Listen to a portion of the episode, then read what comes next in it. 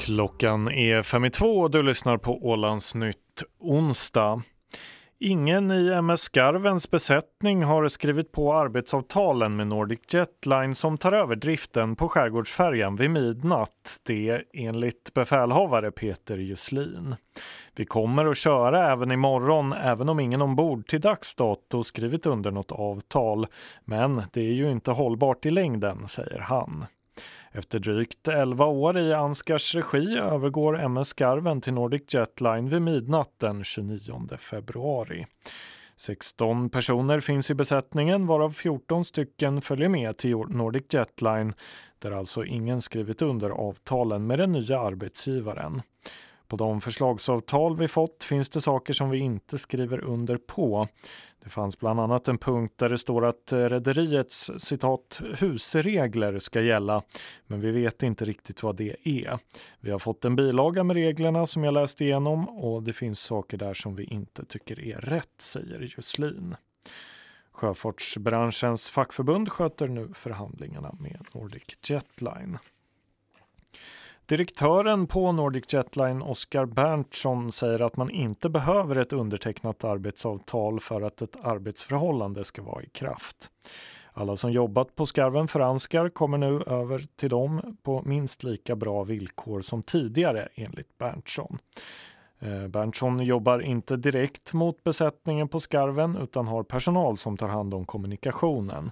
Han vet inte exakt vilka detaljer det handlar om men har förstått att det finns personer som känner sig osäkra på att skriva på då de inte haft arbetsavtal med Nordic Jetline tidigare och att det då kan finnas detaljer som de inte är bekanta med. Berntsson fortsätter berätta att muntliga avtal funkar precis lika bra som skriftliga avtal men på frågan om det är muntliga avtal som finns med Skarvens personal svarar han att det finns skriftliga avtal på bordet som inte alla valt att signera. Det finns eh, ingen dramatik i det här. De är lika väl anställda av oss och tryggas av samma detaljer som kollektivavtalet stipulerar, säger Berntsson.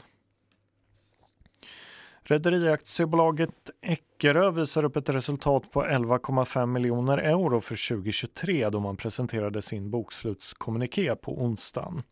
Det är en förbättring jämfört med 2022 då räkenskapsperiodens resultat visade minus 12,7 miljoner. Bolagets omsättning under 2023 var 221,5 miljoner euro och kostnaderna uppgick till 203,8 miljoner, vilket båda var mer än föregående år.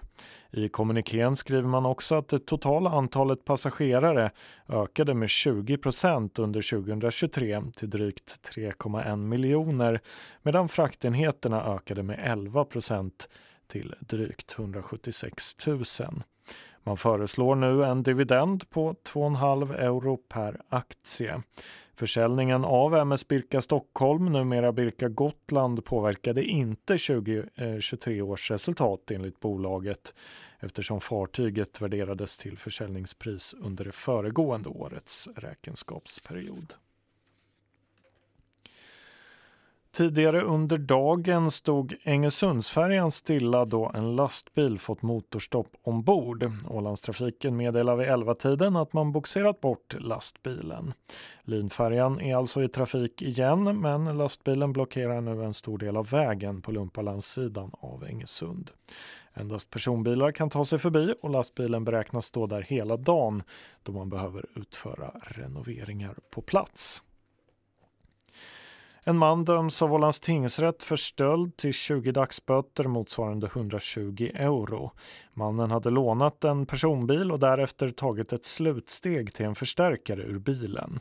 Målsägande yrkade på 80 euro i ersättning för den stulna egendomen, något som tingsrätten biföll. Så vädret. Det blir idag mestadels mulet. Under senare eftermiddag kan solen titta fram mellan molnen. Temperatur idag plus en. Vinden den är sydlig omkring 5 meter per sekund. Under dagen vrider vinden till sydväst. På sjön sydlig till sydvästlig vind som tilltar till en början 4 till 8 meter per sekund från i eftermiddag 7 till 11. Eh, det var Ålandsnytt. Jag heter Axel Eriksson.